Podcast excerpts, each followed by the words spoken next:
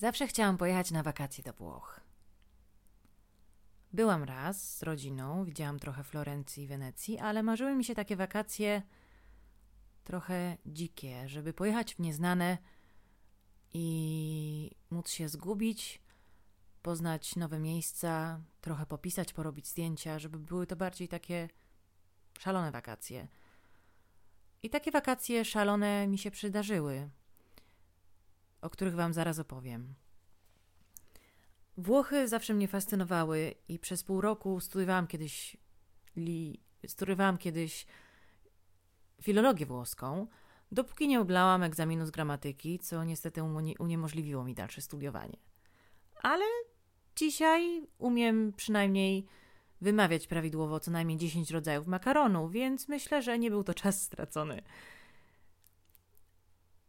nie wiedziałam, gdzie bym się chciała wybrać. I siedząc y, w jednej z restauracji w miasteczku, w którym mieszkam, zapytałam się właścicielki, czy poleciłaby mi jakieś miejsce.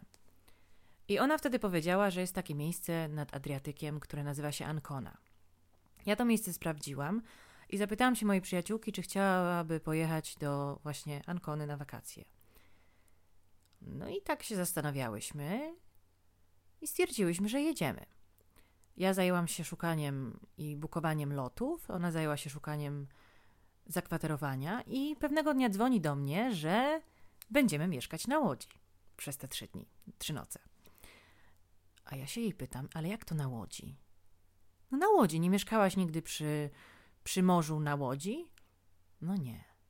Ale zapewniła mnie, że będzie to ekscytujące, bo jej się już zdarzyło i że to jest fajna przygoda. Myślę sobie, przygoda, przygoda, witaj przygodo, dobra, będziemy mieszkać na Łodzi. Ona jest weganką i powiedziała mi nawet, że pisała do tego właściciela Łodzi i zapewnił ją, że będzie tam wegańskie śniadanie, więc w ogóle super, nie? Dobra. Spędziłyśmy całą noc w, na lotnisku yy, w Stanstedzie. Wyleciałyśmy o 6 rano. Doleciałyśmy do Ancony, jest godzina gdzieś tam 10, 11. No to dzwonimy do Dzwonimy do właściciela i pytamy się, chciałyśmy się zapytać, gdzie jest, gdzie jest to miejsce, jak tam dotrzeć z lotniska. No i Ania wtedy dzwoni do, do, do, przez numer, który był na stronie booking.com i facet odbiera. I takim łamanym angielskim do nas, z akcentem oczywiście włoskim, mówi: No, no, no, You can't book my boat. It's not possible. It's not my fault. You can't book my boat. No, no, no. Ja nie wiedziałam, co wtedy on powiedział, ale widziałam w oczach przerażenie Ani i ona się rozłączyła. I właśnie odpowiedziała mi tą sytuację. I ja sobie myślę, rany boskie. Jak to nie ma łodzi, nie? Przyleciałyśmy, jesteśmy w obcym mieście, nie wiemy, co mamy robić. Plączemy się po tych Włoszech. Zaczepiłyśmy jakichś ludzi, którzy tamtym momencie jedli, cieszyli się swoim włoskim posiłkiem, włoskiej knajpie. I jakieś dwie dziwne turystki zaczepiły ich wtedy, żeby zapytać się o to, jak znaleźć drogę do miejsca, które jest oddalone jakieś godzinę na piechotę, jak zamówić taksówkę. My w ogóle cokolwiek po włosku to prawie nic. Buongiorno, farfale, spaghetti, lasagna, concilioni, tagliatelle, Y, fusilli i tak dalej, nie? I, tak, I może jeszcze dziękuję i poproszę.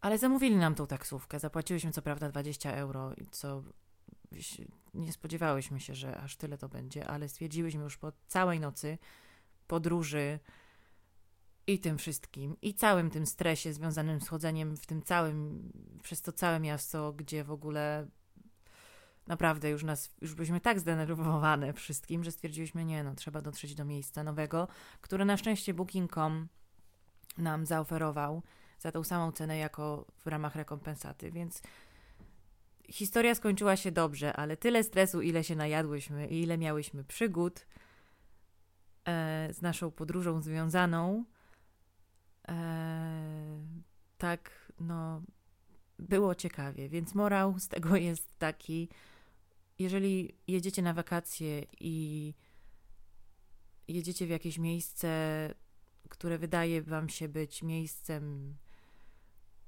nieciekawym na pozór, to to znaczy mm, takim zagadkowym, jak na przykład Łódź e, na morzu, to lepiej sprawdźcie dokładnie miejsce, zanim pojedziecie. Chyba, że lubicie przygody i niestraszne wam nerwowe poszukiwania nowego rozwiązania. To było 5 minut spello. Do następnego razu.